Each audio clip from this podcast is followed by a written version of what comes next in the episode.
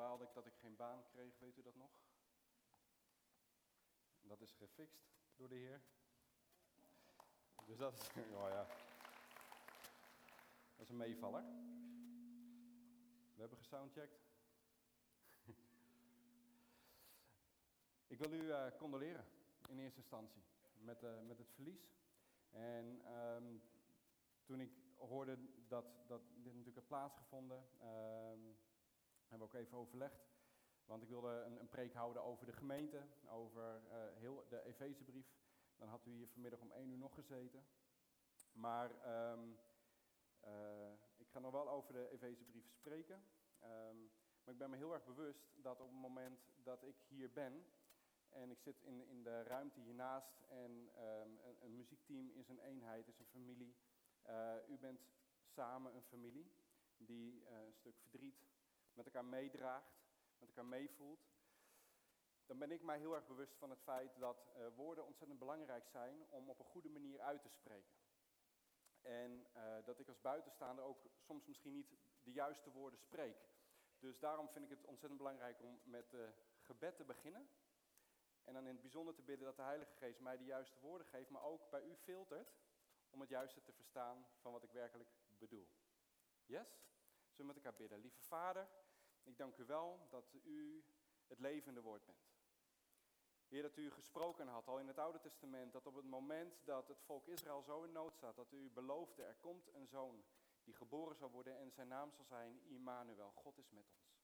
En ik dank u wel, Heer, dat we u zo ook mogen kennen Heer Jezus, dat u ook zo gekomen bent en dat u zichzelf ook op deze manier blijft openbaren. Als Immanuel, God is met ons, ook op dit moment. Heer, ik ben me bewust van woorden die impact hebben, die kracht kunnen geven, die tot leven kunnen wekken. Heren, die blij kunnen maken, heren, die kunnen troosten. En ik wil u bidden, heren, dat u door uw Heilige Geest die woorden ook door mij heen zult spreken. En ik wil u bidden voor onze oren.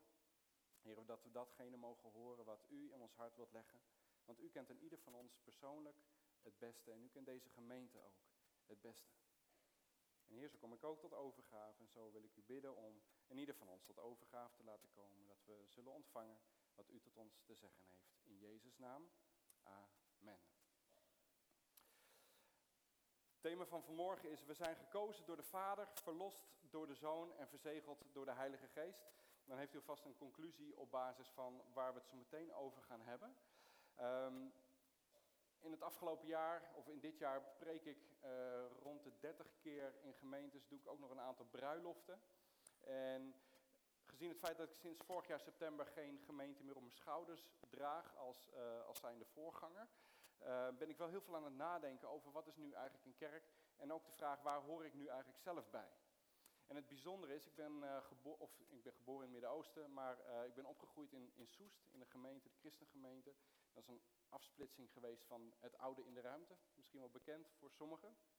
En afgelopen zondag mocht ik preken in dat oude in de ruimte, in de evangeliegemeente Soest.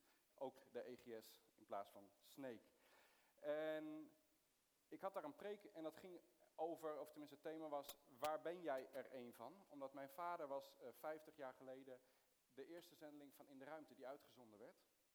En ik maakte wel mee dat, dat op het moment dat, er, uh, dat, dat de naam Rulman in die kring in ieder geval wel bekend is, dus op het moment dat er dan P. Rulman staat, uh, dan wordt heel vaak die vraag gesteld van wie ben jij er eentje van? Van mijn oom, die ook in de zending heeft gezeten, of van mijn vader Rob. En het vreemde gebeurde bij mij dat ik in die kerk was en ik voelde me thuiskomen. Ik dacht, wat, wat, wat fijn om, om gezichten te zien die ik vanaf heel jongs af aan eigenlijk niet anders ken dan mijn ooms en tantes in de kerk. Ik weet niet of dat hier gebruikelijk is, dat je ome Jelmer hebt. Vanaf nu wel. Um, noem hem gewoon zo. maar maar um, dat is, voor mij was dat heel belangrijk. Waarom? Omdat al mijn ooms en tantes zaten in het buitenland. En dat is misschien ook wel een beetje uh, inherent aan het zijn van een, van een zendingskindje-achtig iets. Um, maar ik voelde me eigenlijk, uh, als kind voelde ik me daar echt thuis.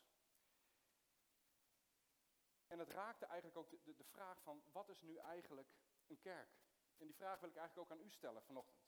Er mag eentje door, alsjeblieft. Um, wat, wat is een kerk? En wat maakt een kerk tot een kerk? Wat zijn kenmerken van een kerk? Dus ik zou eerst die vraag willen stellen van wat, wat is een kerk volgens u? Zou u daar eens reactie op willen geven? Mensen. Ja? Een tempel? Ja? Dat zegt iets over hoe we ons gedragen, misschien wel. Ja, sorry? Een eenheid? Liefde? Samenkomen? Oké, nou we hebben een aantal, aantal zaken over. Als ik de vraag zou stellen, wat is nou de ideale kerk? Zou u dan een plek willen noemen? Niet? Wat, wat, wat raakt in ieder geval misschien het ideaalbeeld? Wat zou in, in jullie beleving, in uw beleving, nou de volmaakte kerk hier op aarde zijn? Noem eens een kerk. Gemeen hè? Want hij zit te wachten tot u zegt CLC. nee hoor. Um, dan kun je kijken naar, naar Hillsong, noem maar wat, of Bethel Church, of je kunt, um, um, weet ik het wat. Maar weet u, ik ben erachter gekomen, want heel veel zeggen, nee, die, die, die ideale kerk die is in de hemel straks. ik denk het niet. Ik denk het niet. Ik denk dat de CLC de ideale gemeente is. En ik denk dat de EGS in Sneek de ideale gemeente is. En ik denk dat de christengemeente Soest de ideale gemeente is. Waarom?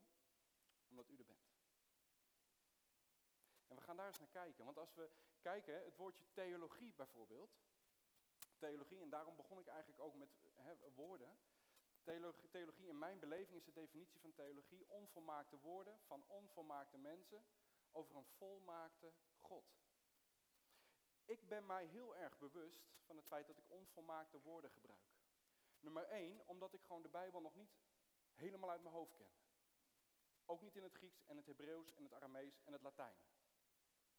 Dus wat ik zeg is mijn interpretatie van wat ik lees in deze Bijbel. Dat maakt het onvolmaakt. Dan weet u dat vast. Ik ben mijn geld niet waard. Tegelijkertijd, ik ben me ook heel erg bewust van het feit dat ik een onvolmaakt mens ben. Vraag maar aan mijn vrouw. En mijn kinderen. Dus alles wat ik zeg wordt gefilterd door mijn onvolmaaktheid in mijn woorden, in mijn mens zijn, in het feit dat ik pas of al 41 ben en nog niet 99 zoals Beppe Grietje straks. Je hoeft nog niet te komen, zeg ik even tegen degene achterin. Um, en tegelijkertijd zou je dat ook over de kerk kunnen zeggen. De kerk zit vol met, kijk maar naar uw broer of zus naast u, onvolmaakte mensen. Met allerlei onvolmaakte gedragingen en gedachten, ideeën, emoties. Amen? Over een volmaakt plan van God met de kerk. En daar gaan we eens eventjes naar kijken met elkaar. Dus ik neem u mee in een les uh, ecclesiologie, de leer aangaande de kerk. Mag u meteen weer vergeten, maar het klinkt stoer. En um, we kijken gewoon, wat, wat is nou de basis van de kerk? Wat maakt nu een kerk tot kerk? Nou, het hele Matthäus-evangelie, waar we trouwens niet uit gaan lezen verder, die gaat over de vraag wie is Jezus? En die wordt beantwoord ook. En onder andere in hoofdstuk 16, vers 18, daar zegt Jezus, op deze rots zal ik mijn kerk bouwen. En wat is die rots? Dat is niet Petrus, dat is niet de paus, dat zijn niet bisschoppen, maar dat is het getuigenis van Petrus die zegt, u bent de Messias, de zoon van de levende God. En in die zin kun je zeggen, op het moment dat je dat als kerk loslaat, ben je geen kerk meer, maar ben je gewoon een groepje mensen die iets leuks doen op zondagochtend. Buiten Christus, buiten het geloven dat Jezus de Messias is, de zoon van de levende God, is een kerk geen kerk. Een kerk, het is een, een vertaling van het woordje kerk, is uitgeroepenen. We zijn allemaal uitgeroepenen. We zijn uitgeroepen uit de wereld van zonde en dood tot leven en levengevend. Dat is wie we zijn. Dus dat is ook meteen de spanning van de kerk, want de kerk zit vol met broers en zusjes die u niet heeft uitgekozen. En dat is soms leuk en soms totaal niet leuk. Toch? Ja. Maar ze zijn allemaal gekocht en betaald door het bloed van Jezus Christus. Dat betekent dat ze uit dat leven van de dood, en ik kijk eventjes wat ik denk dat hier een bad zit soms. Hè, dus vanuit dat onder sterven met Christus, opgestaan in een nieuw leven, dat maakt dat dat is wie wij zijn. Wij zijn allemaal uitgeroepen mensen vanuit de zonde en de dood tot leven en tot leven gevend. En dat is ook wat je wilt. Je wilt uitdelen van het evangelie van Jezus Christus. Je wilt anderen vertellen over het eeuwige leven wat er ook is voor hen. Nou, nu gaan we naar Efeze hoofdstuk 1. En dit ga ik met u voorlezen. Het verschijnt niet op de beamer, dus heeft u zelf een Bijbel heel graag. Of een Bijbel in uw telefoon, ook heel graag. En ik wil u vragen om te luisteren en mee te lezen, maar vooral te tellen. En ik zal uitleggen waar u in mag gaan tellen. Dat is in uh, het aantal keren dat er staat in Christus of in Hem of door Hem. Door Hem, in Christus, door Christus, in Hem. Yes? Tellen. Dat is alles. En u krijgt geen diploma. Efeze hoofdstuk 1 vanaf vers 3. Gezegend zij de God en Vader van onze Heer Jezus Christus, die ons in de hemelsferen in Christus met talrijke geestelijke zegeningen heeft gezegend. In Christus immers heeft God, voordat de wereld gegrondvest werd, ons vol liefde uitgekozen om voor Hem heilig en zuiver te zijn. En Hij heeft ons naar Zijn wil en verlangen voorbestemd om in Jezus Christus Zijn kinderen te worden, tot eer van de grootheid van Gods genade ons geschonken in Zijn geliefde Zoon. In Hem zijn wij door Zijn bloed verlost en, door onze zonde zijn onze zonden vergeven, dankzij de rijke genade die God ons in overvloed heeft geschonken. Hij heeft ons in al zijn wijsheid en inzicht dit mysterie onthuld.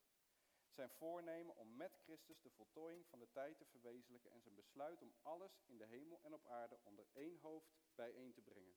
Onder Christus. Telt ook mee. In hem heeft God, die alles naar zijn wil en besluit tot stand brengt, ons de bestemming toebedeeld om vanaf het begin onze hoop te vestigen op Christus tot eer van Gods grootheid. In Hem hebt ook u de boodschap van de waarheid gehoord, het evangelie van uw redding. In Hem bent u, door uw geloof, gemerkt met het stempel van de Heilige Geest die ons beloofd is, als voorschot op onze erfenis, opdat allen die Hij zich verworven heeft, verlost zullen worden, tot eer van Gods grootheid. Tot zover. Hoeveel? Negen. Inderdaad, negen. Sommigen hadden er acht misschien. Ehm, maar het gaat erom dat het in Christus is. En je zou eigenlijk jezelf kunnen verliezen. Hè. Daar kan je ook een complete preek natuurlijk over houden, over het eerste gedeelte. Uh, maar je kunt je verliezen in alle punten en komma's en al die hele moeilijke uitspraken die er staan. Maar het gaat Paulus erom dat hij constant maar benadrukt. En als je dat negen keer zegt, als ik iets negen keer zeg tegen mijn kinderen, dan is er iets belangrijk.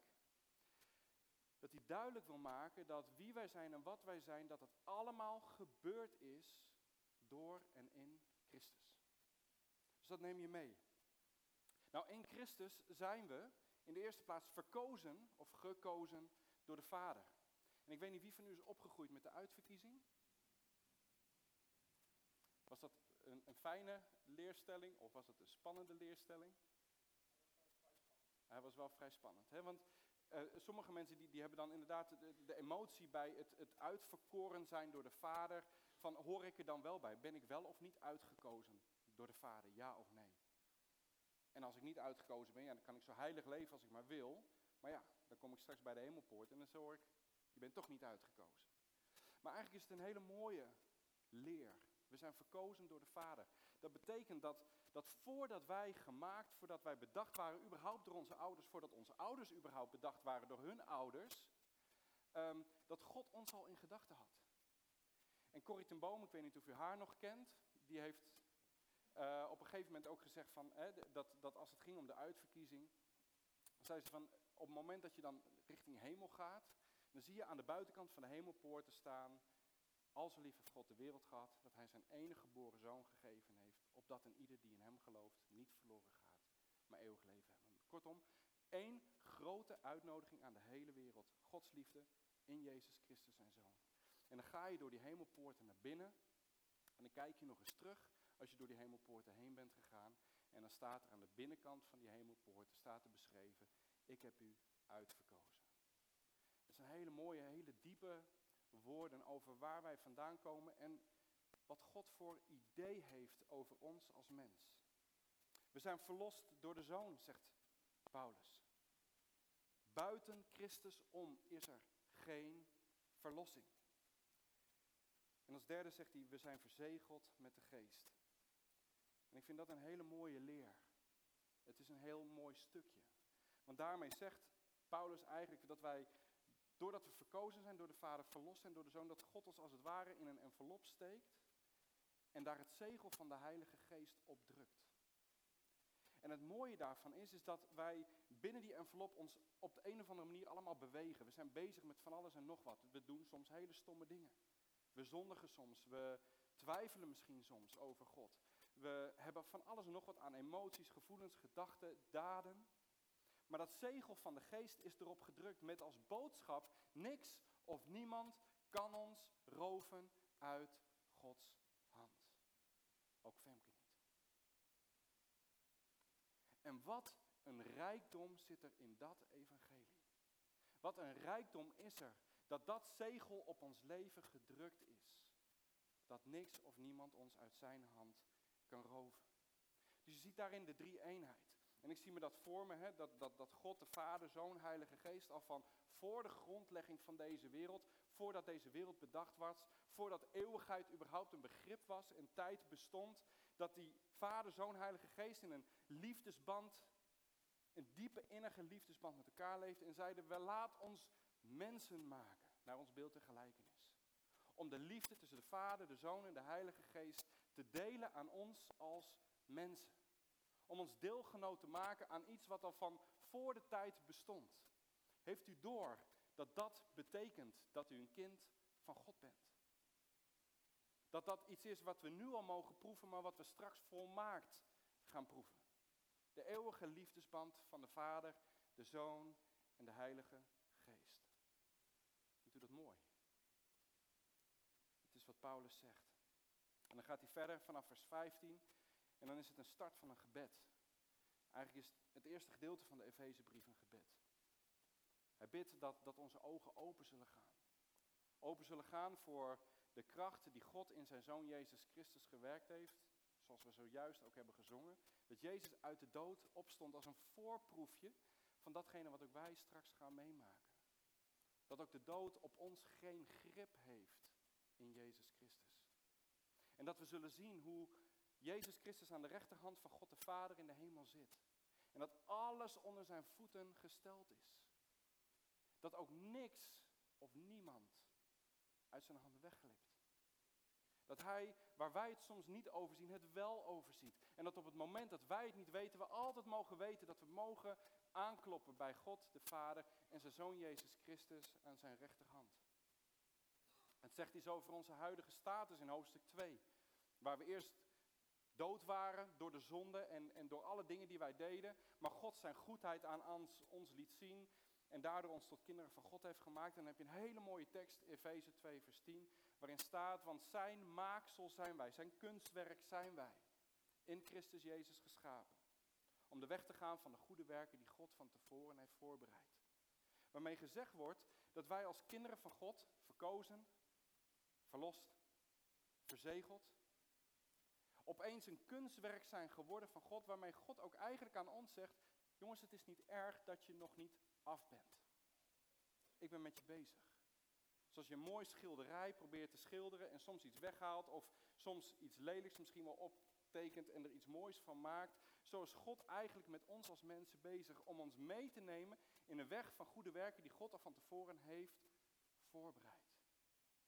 Als het goed is, geeft dat ontspanning op het moment dat je dat gaat zien. En het is allemaal voor ons bewerkt in Christus. Nou, als je kijkt en denkt aan, aan Paulus en als je denkt aan de gemeente, als je denkt aan de kerk, voor ons is het heel anders, hè, een kerk. Wie van u eh, zegt, CLC is mijn eerste kerk, of vroeger Salvator? Eén, twee, drie, vier, vijf, zes. Weinig. Weinig mensen. Wie heeft al meer dan vijf kerken gezien? Zonder een oordeel. Wij kunnen switchen hè, van kerk. Wij kunnen gewoon kiezen om naar een andere kerk toe te gaan. Maar wat Paulus hier beschrijft is in een totaal andere setting. Paulus die lijdt vanwege het evangelie. Paulus die, die, die, die maakt mee dat hij, dat hij gevangen genomen is, dat hij meegevoerd werd naar Rome. Paulus maakt mee dat hij gehoord heeft over Petrus die op zijn kop gekruisigd is. En Jezus gevolgd is eigenlijk in een lijdensdood. De kerk waar hij enthousiast voor is, waar hij bereid was zijn leven voor te geven.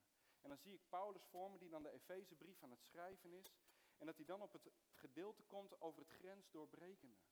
Dat hij dan ineens zich bewust is van zijn eigen taken, van zijn eigen roeping. Dat hij zich bewust is van het feit dat wat God al al die honderden jaren met zijn volk Israël gedaan heeft en beloofd heeft, dat het nu zijn vervulling vindt in, in Paulus' tijd.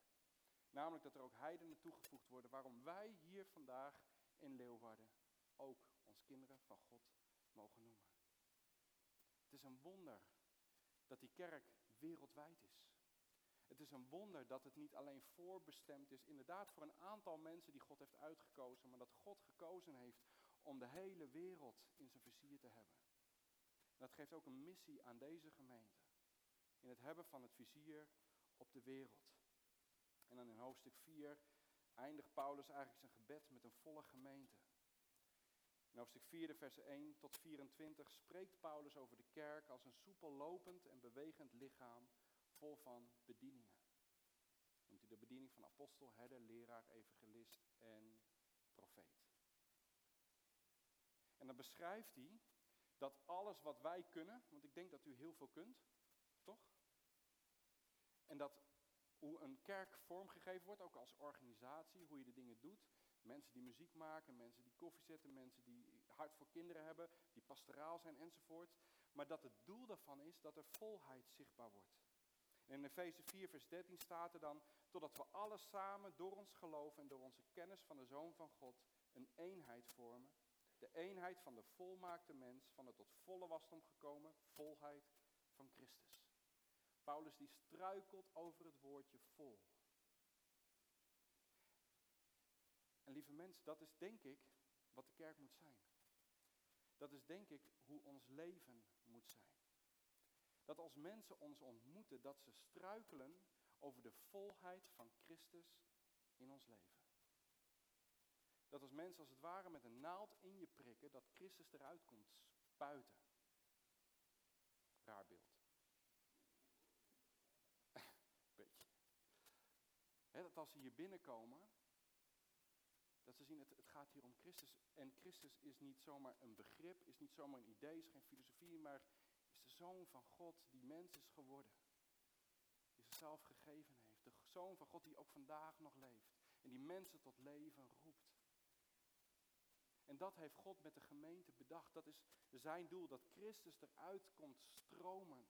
Als het ware op het moment dat je met elkaar en bij elkaar bent.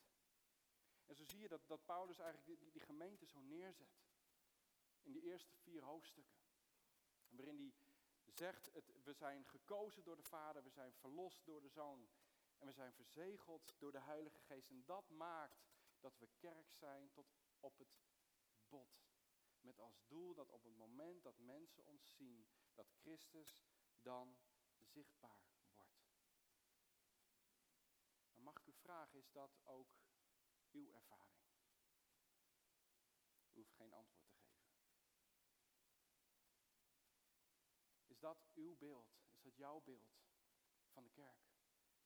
Wat denk je, wat denkt u bij het begrip kerk? En eerlijk gezegd, waarom gaat het zo vaak mis? Is dat ook herkenbaar? Hier geen scheuringen, hè? Geen oneenigheid en narigheid. Ook hier. Waar gaat het mis? Nou, Paulus die, die, die, die noemt na hoofdstuk 4 een heel aantal redenen en die skip ik, in ieder geval de laatste paar. Maar eentje is, is wel de moeite waard om te noemen deze ochtend. Dat is Efeze 4, vers 25 tot 27. Daar stipt Paulus eigenlijk het belangrijkste aan waarbij het vaak misgaat in kerken. Dan zegt Paulus, leg daarom de leugen af spreek de waarheid tegen elkaar, want wij zijn elkaars ledematen. Als u boos wordt, zondig dan niet. Laat de zon niet ondergaan over uw boosheid. Geef de duivel geen kans. En daar benoemt Paulus eigenlijk iets in het negatieve. wie van u is wel eens jaloers geweest op een ander in de kerk? Zondig. Ik ook. Wie van u is wel eens boos geweest op een ander in de kerk? Nog zondiger. Ik ook. En dat hoort niet, eigenlijk. Terwijl die emotie, boosheid, op zich niet verkeerd is. Ik heb me ontzettend boos gevoeld de afgelopen jaar. Verschrikkelijk boos op broeders en zusters. En mensenlief, wat ben ik door een proces heen gegaan, heb ik de vorige keer over gesproken. Om daarmee te dealen, om dat op te ruimen. Dus dat is in het negatieve iets ombuigen naar iets positiefs. En ik wil eigenlijk vanochtend die emotie neerzetten als iets positiefs. Want hoe mooi is het, lieve mensen, om verdriet nu met elkaar te delen. Hoe mooi is het om te weten dat deze emotie, vanuit de basis die ik zojuist op basis van Paulus' woorden heb gelegd, om die op deze manier met elkaar te beleven. Wetend dat je dat niet doet van therapeut tot therapeut, maar dat je dat met elkaar mag beleven in Christus. Omdat u gekozen bent door de Vader. Omdat u verlost bent door de Zoon. Omdat u verzegeld bent door de Heilige Geest. Omdat u weet dat een ieder van ons en deze kerk in zijn volle breedte een kunstwerk is, Gods maaksel is, waar God nog steeds mee bezig is. Aan het timmeren, aan het schilderen, aan het weet ik het wat dan is. Om er een weg in te maken, zodat het nog meer schitterend gaat worden en zodat Christus nog meer vanuit deze gemeente eruit komt en zichtbaar wordt en, tastbaar wordt. En ik denk dat, dat, dat emoties op een goede manier ook beleefd worden. Hoe u in rouw gaat met elkaar. Hoe u herinnert. En hoe er weer glimlachen op de gezichten gaan komen. En dan kom ik wel bij Bebbe Grietje. Bebbe Grietje is uit de EGS in Sneek uh, de oudste Beppe van de gemeente. Ze is 99 geworden in januari. En ik heb met haar afgesproken dat ze uh, volgend jaar januari, want ik wil een keer iemand ontmoeten die 100 is. Heel egoïstisch.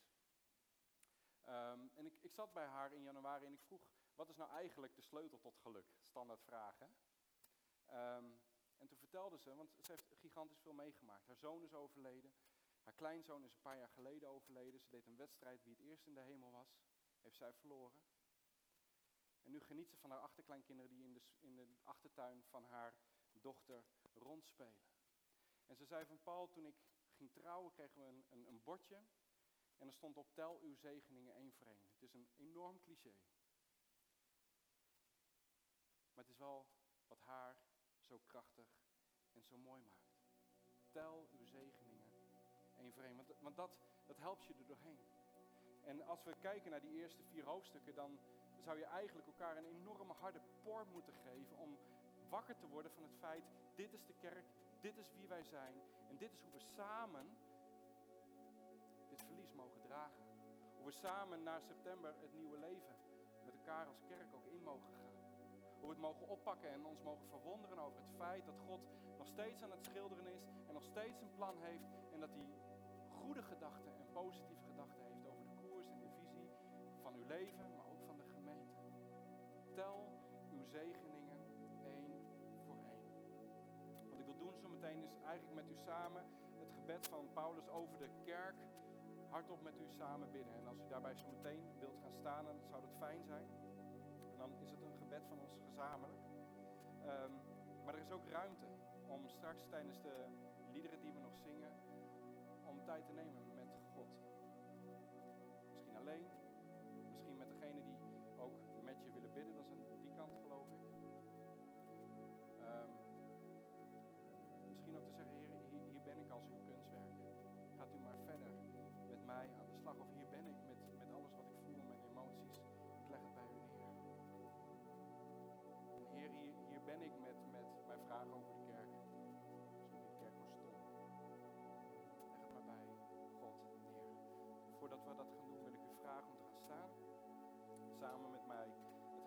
Paulus in hoofdstuk 3 vanaf vers 14 hardop uit te spreken. Staat het volgende. Daarom buig ik mijn knieën. Zou je dat hardop mee willen bidden? Daarom buig ik mijn knieën voor de Vader, die de Vader is van elke gemeenschap in de hemelsferen en op aarde. Mogen Hij vanuit zijn rijke luister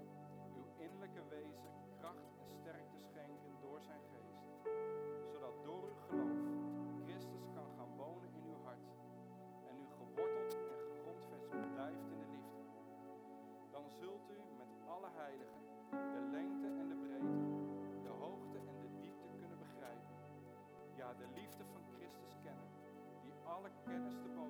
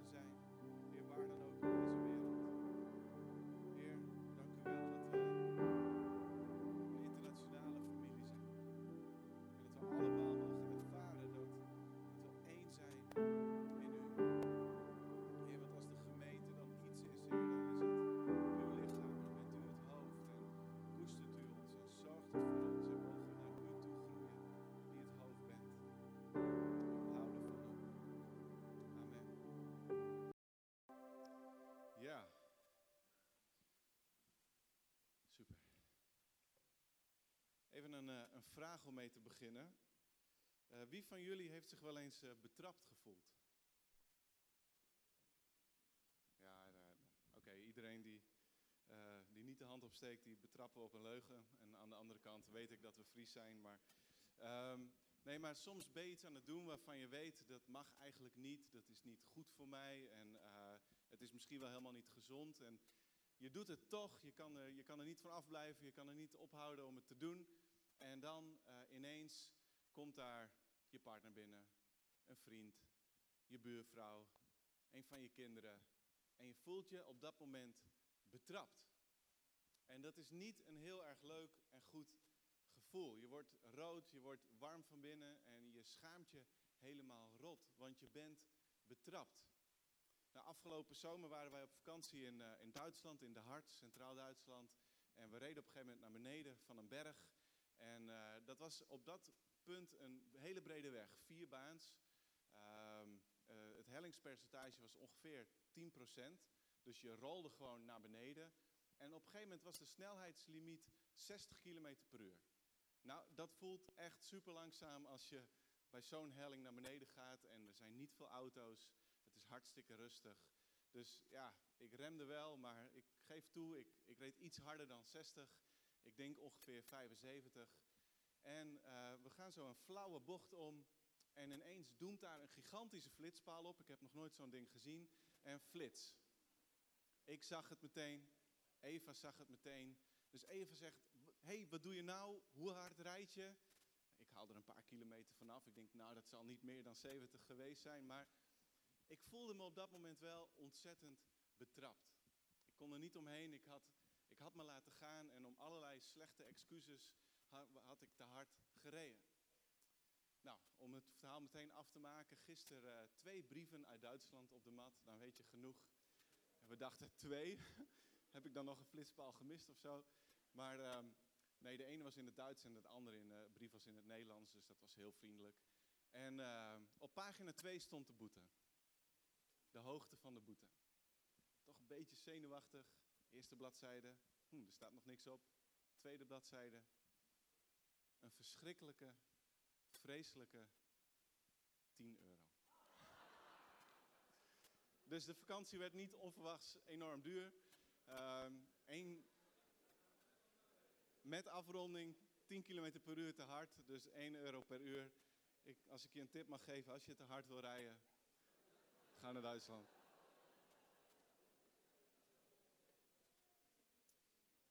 Goed, vandaag gaan we kijken naar een verhaal waarin iemand is betrapt. Of eigenlijk twee iemanden, maar van de ene persoon horen we helemaal niks. De andere persoon des te meer.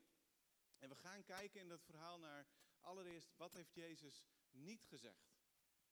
En dan denk je misschien, ik ga toch niet naar de kerk om te horen wat Jezus niet heeft gezegd. Dat is ook pure speculatie, dat geef ik ook meteen toe. Maar in de Bijbel er staan vier evangeliën. Soort biografieën, maar toch ook wel weer anders. En daarin hebben vier schrijvers, ieder met hun eigen uh, kernwoorden en hun eigen doelgroep. En op hun eigen manier, eigen accenten, hebben ze het verhaal verteld van Jezus. Van zijn leven, van zijn woorden, zijn lijden, zijn sterven en de opstanding. Dus we weten ontzettend veel van wat Jezus heeft gezegd. En wat Jezus heeft gezegd, dat is vaak niet van deze wereld. Het is buitengewoon. Het is vaak verrassend. Het is uh, soms confronterend. Het is altijd krachtig. En uh, Greg Rochelle die zegt dan op een gegeven moment, voorganger van Life Church, waar ook onze meest gebruikte Bijbel-app vandaan komt, die zegt, soms helpt het mij, leest u maar mee op, uh, op de handout, om de kracht van Jezus woorden te begrijpen, helpt het mij om te kijken naar wat hij niet heeft gezegd. Wat hij gezegd kon hebben, wat ik misschien gezegd zou hebben, maar wat hij niet zei. Zodat ik echt de kracht ervaar van wat hij wel zei. En ik dacht, dat is een, een mooie benadering een keer voor een preek. Juist even het omdraaien. En ik wil dus vandaag met jullie proberen de kracht van Jezus' woorden te pakken in een vrij bekend verhaal. Misschien kent iedereen het hier wel. En het eerste stuk daarvan gaat als volgt. Leest u mee. Johannes 8 vanaf vers 1. Jezus die ging naar de Olijfberg en vroeg in de morgen was hij weer in de tempel. Het hele volk kwam naar hem toe. Hij ging zitten en gaf hun onderricht. Toen brachten de schriftgeleerden en de fariseeën een vrouw bij hem die op overspel was betrapt. Ze zetten haar in het midden en zeiden tegen Jezus, Meester, deze vrouw is op heterdaad betrapt toen ze overspel pleegde. Mozes draagt ons op in de wet om zulke vrouwen te stenigen. De man trouwens ook in de wet, maar die komt dus helemaal niet in beeld. Wat vindt u daarvan? Ze zeiden dat om hem op de proef te stellen, om te zien of ze hem konden aanklagen. Dus Jezus die ging aan het begin naar de Olijfberg en de volgende ochtend gaat hij weer naar de tempel. En hij, waar hij vandaan komt is het Loofhuttenfeest. Hoofdstuk 7 behandelt de viering van het Loofhuttenfeest. Uh, een week lang feest. Jeruzalem was volgelopen. Uh, alle mannen die deden altijd hun best om daar in ieder geval bij te zijn.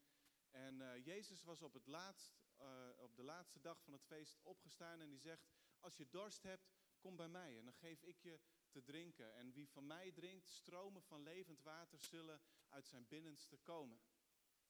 En dat waren woorden, er was discussie over ontstaan met schriftgeleerden, ook met fariseeën. En uh, daarna was Jezus dus weer uh, naar de Olijfberg gegaan om de volgende dag terug te keren. Dus de mensen die, de fariseeën, de schriftgeleerden, die deze vrouw bij hem brengen en de omstanders die daar weer omheen staan, die hebben misschien wel met Jezus gediscussieerd de dag ervoor. Ze waren in ieder geval in de stad geweest, hadden dat hele Loofhuttenfeest meegemaakt. En ongetwijfeld hadden ze ook alweer gehoord van wat die Jezus nu weer had gezegd. En welke discussie er was ontstaan. Dat ging altijd als een lopend vuurtje. En vandaag proberen de schriftgeleerden en fariseeën om Jezus dan in de val te lokken. Ze hebben een man en een vrouw op heterdaad betrapt, op overspel. Volgens de wet van Mozes moesten zulke mensen, als er getuigen waren, als het bevestigd werd, moesten ze gestenigd worden. Want onreinheid moest uit het midden van het volk worden weggedaan. En ze vragen aan Jezus, Jezus, wat vindt u daar nou van?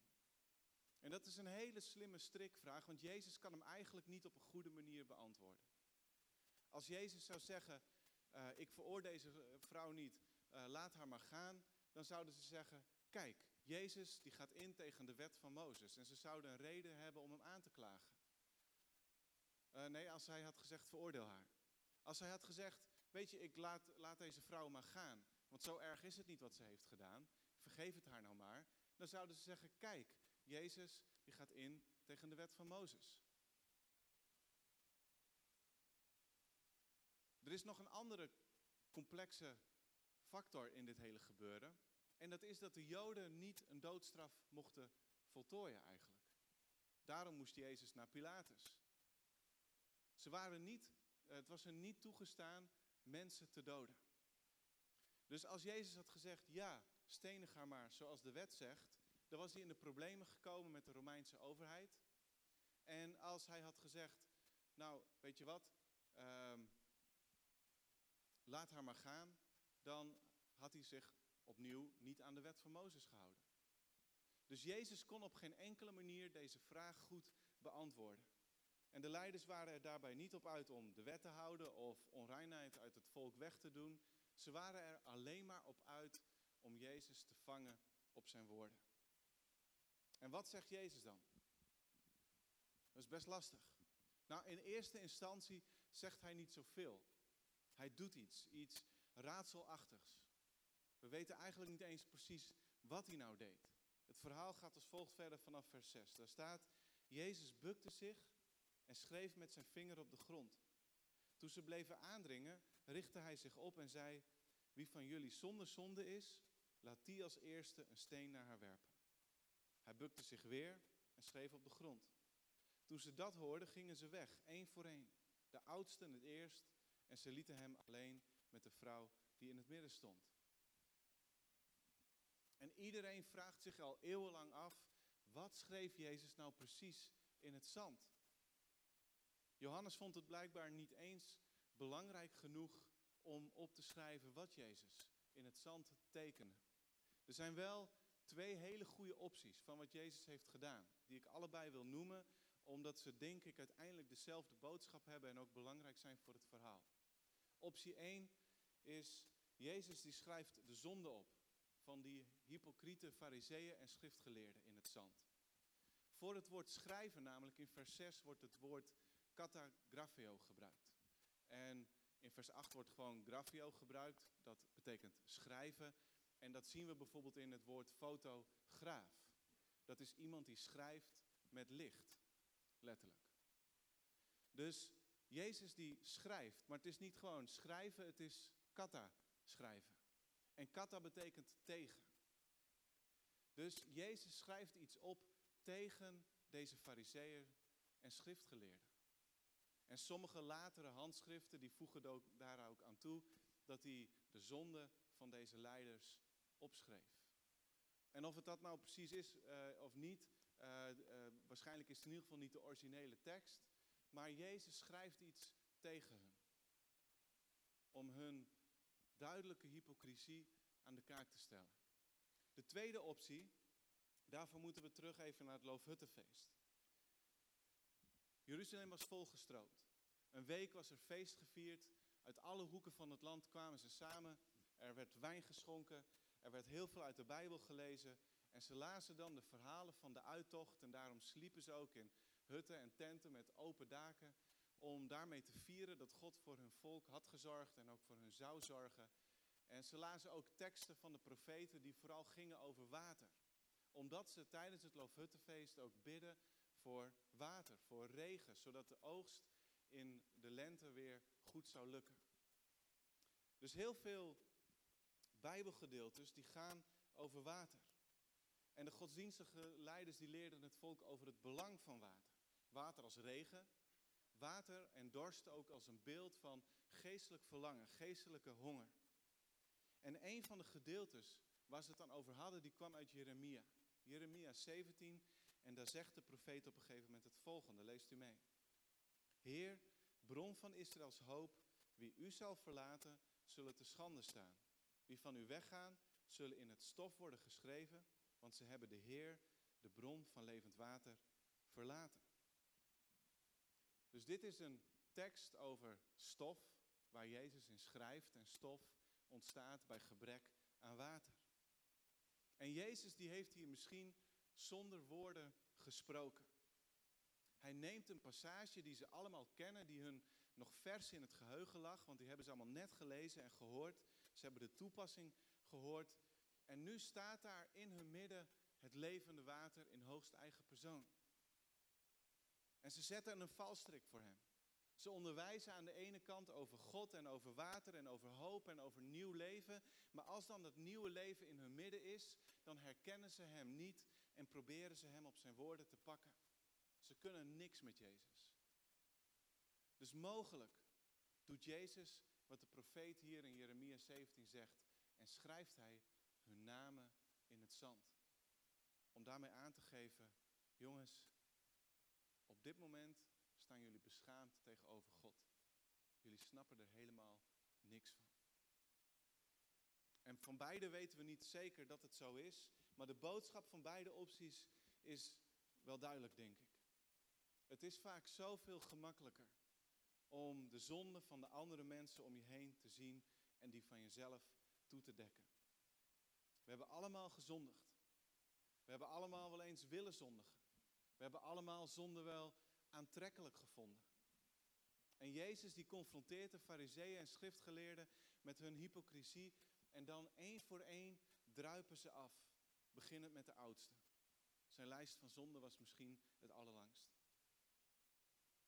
Kunnen wij vandaag ook mensen zijn die niet eerst kijken naar de splinter in het oog van de ander, maar allereerst bezig gaan met de balk in ons eigen oog? Kunnen we het hart in plaats van de letter van de wet voor ogen houden? Kunnen wij genadig en geduldig en vergevingsgezind zijn? En dat allemaal om even over na te denken ter inleiding op wat heeft Jezus nou niet gezegd, wat wij misschien zouden zeggen of wat we misschien graag zouden willen dat hij had gezegd. En wat heeft Jezus dan precies gezegd aan het eind van dit verhaal? Allereerst, vult u in. Jezus zei niet, ga en doe waar je zin in hebt.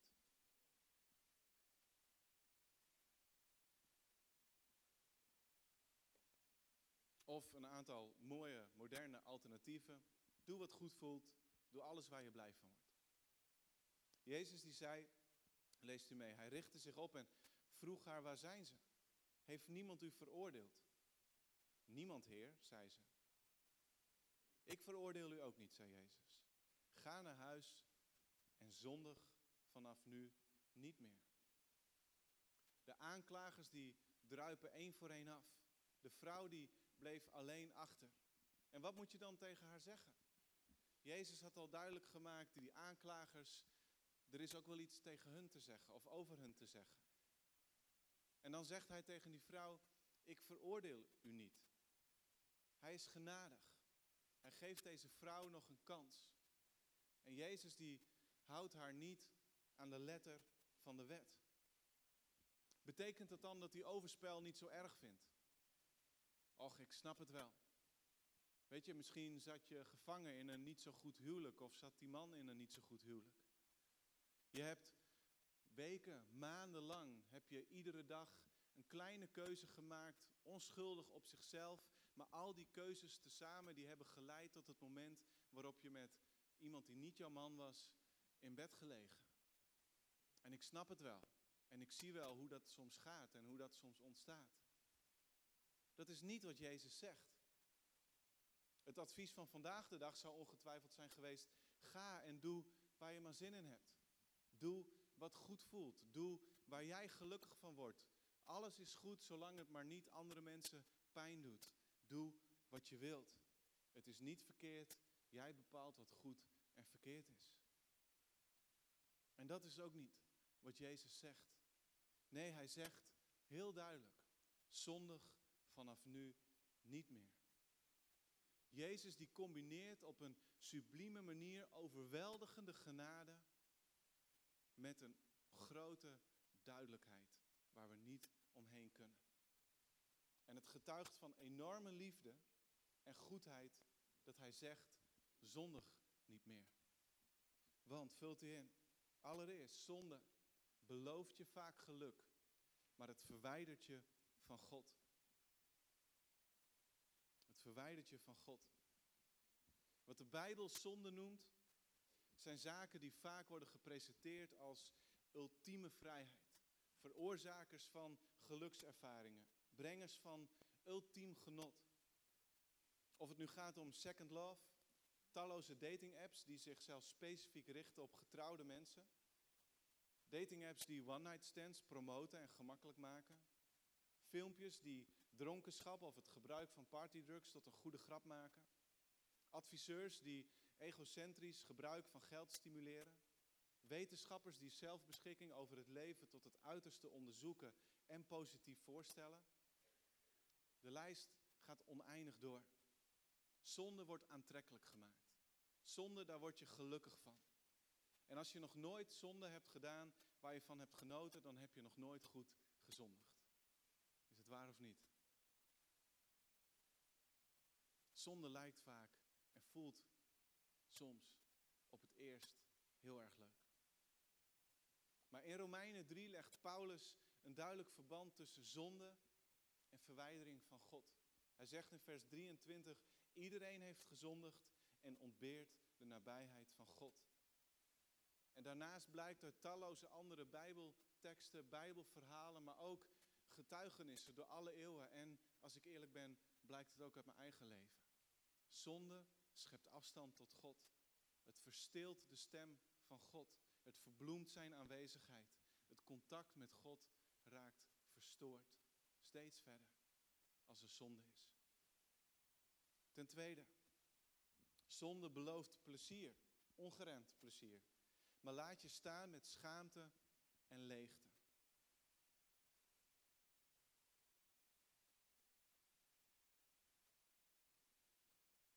Vers 3 van Johannes 8 zei, toen brachten de fariseeën en schriftgeleerden de vrouw bij hem die op overspel, overspel betrapt was. Ze zetten haar in het midden. En daar pauzeer ik even. Moet je deze scène voorstellen? Ze heeft misschien in een tentje geslapen met Loofhuttenfeest. Ze wordt eruit getrokken. Ze is waarschijnlijk niet goed aangekleed. Misschien ontbreken er wel kledingstukken. In tegenstelling tot in Hollywoodfilms zit haar make-up en haar niet goed en perfect de volgende ochtend. En dan wordt ze, hopsakee, over straat gesleept, geduwd, getrokken naar het tempelplein, waar alweer heel veel mensen aanwezig zijn. En daar wordt ze niet aan de rand, niet onder een afdakje, niet, hé hey Jezus, kom even, wat vindt u hier eigenlijk van? Maar in het midden wordt ze neergezet. Geen walk of fame, maar walk of shame. Complete vernedering. Daar staat ze. Ze was misschien op zoek naar geluk. Een uitvlucht. Even helemaal verliefd in het moment. In bed beland met iemand die niet haar man was. En in plaats van een romantisch ontbijtje werd het publieke vernedering op straat en tempelplein. En dat is vaak hoe het gaat met zonde. Het belooft plezier, maar het laat je achter met schaamte en leegte. De kick is snel verdwenen, er is een nieuwe kick nodig en dat gaat sneller en sneller. Je leven wordt er niet door vervuld, maar uiteindelijk verziekt. Hebreeën die zegt het zo in Hebreeën 11 vanaf vers 24. Door zijn geloof heeft Mozes liever het lijden van het volk van God willen delen dan voor korte tijd willen genieten van de zonde. Zonde geeft een heel kortstondig plezier. Het is vluchtig, zeggen sommige vertalingen. Dus Jezus die zegt niet, ga nu maar en doe alles wat je wilt, waar je zin in hebt, waar jij je happy bij voelt. Maar hij zegt, voor beide letterlijke woorden, zegt hij het volgende, vult u in in het volgende punt. Hij zegt, ga en wees als een vis in het water.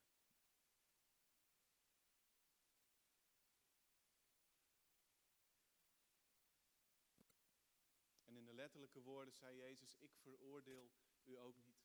Ga naar huis en zondig vanaf nu niet meer. En dan vraag je je af, wat heeft dit in hemelsnaam te maken met vissen? Max Lucado die gebruikt een keer een, een beeld van een vis op het strand. En volgens mij is er ook een boekje over geschreven. Ik kwam het ergens tegen en ik gebruik het een beetje vrij. Maar stel je voor, je gooit een vis op het strand. Je kunt je voorstellen, die vis die is niet gelukkig. Die zie je spartelen alle kanten op en de kieuwen die gaan ontzettend hard heen en weer, happend naar lucht, maar ze kunnen geen zuurstof uit de lucht halen. Ze zijn gemaakt voor het water. Dan kun je besluiten om een miljoen euro aan die vis te geven. Maar daar wordt die vis op dat moment niet gelukkiger van. Je kan een fantastisch strandfeest organiseren om die vis weer een beetje op te vrolijken. Maar die vis die wordt niet blij zolang die op het strand ligt. Je kunt hem een heerlijk zomers wit biertje voorzetten en zeggen, joh, we drinken er nog één, geniet ervan, hier knap je van op. Maar die vis die wordt niet gelukkiger. Je kan een hele mooie foto van die vis nemen, een beetje nabewerken. Je plaatst hem op Instagram en hij krijgt duizenden likes en visjes en hartjes en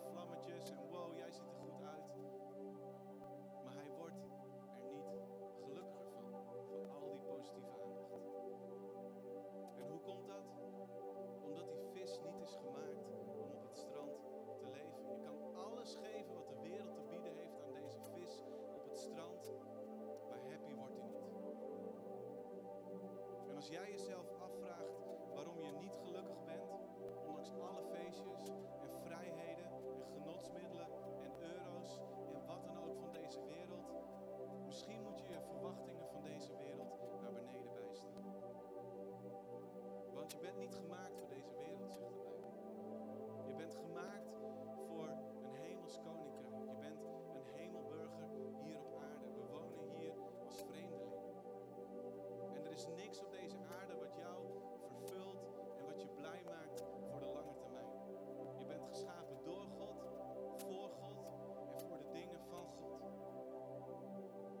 is waarom zonde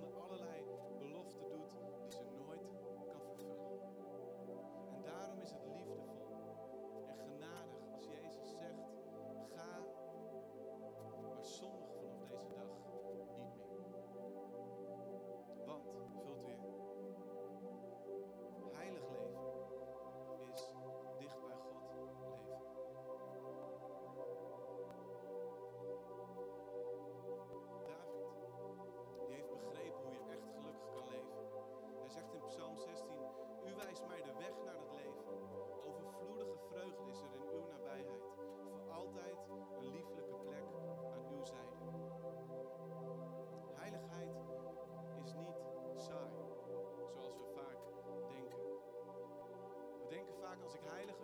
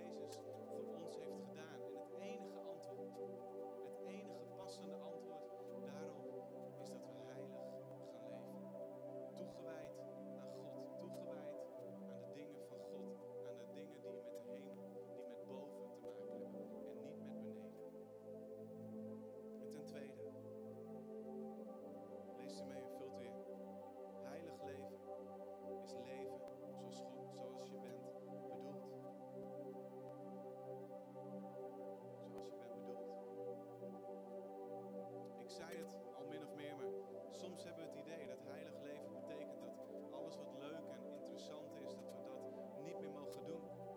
Maar dat is niet waar. Opnieuw, Craig Rochelle die zegt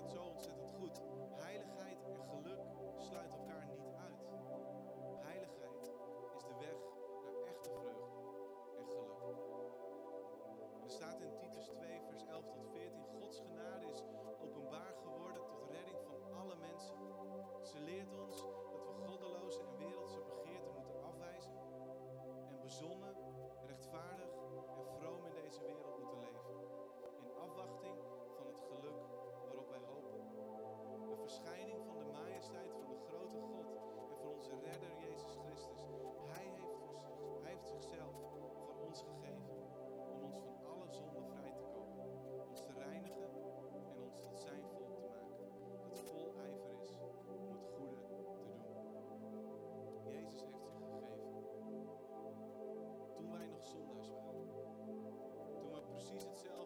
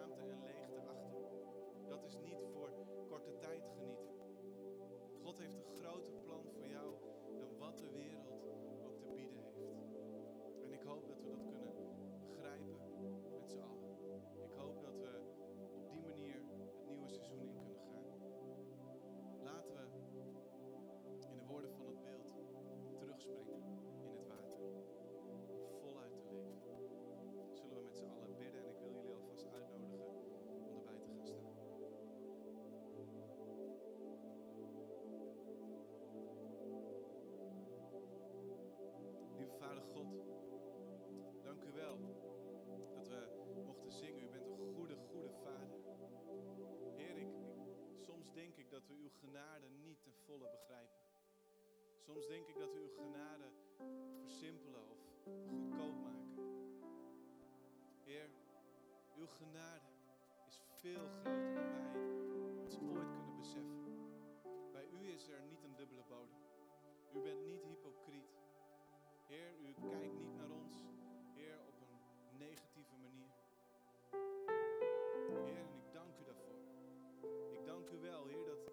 zegt tegen deze vrouw, ga, ik veroordeel je ook niet.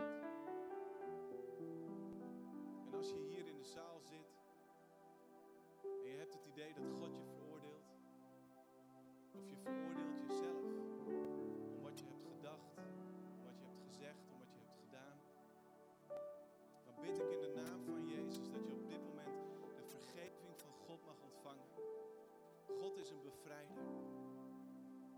Jezus is jouw redder.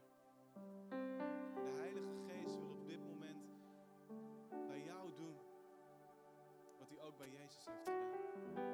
Door de kracht van de Heilige Geest stond Jezus op en overwon hij de dood. En jij mag opstaan in een nieuw leven. En jij mag, als je dat al eerder hebt gedaan, door de Heilige Geest gereinigd en geheiligd worden. Om waar alle aanklachten op stonden, maar die helemaal weer leeg is. Wees vrij.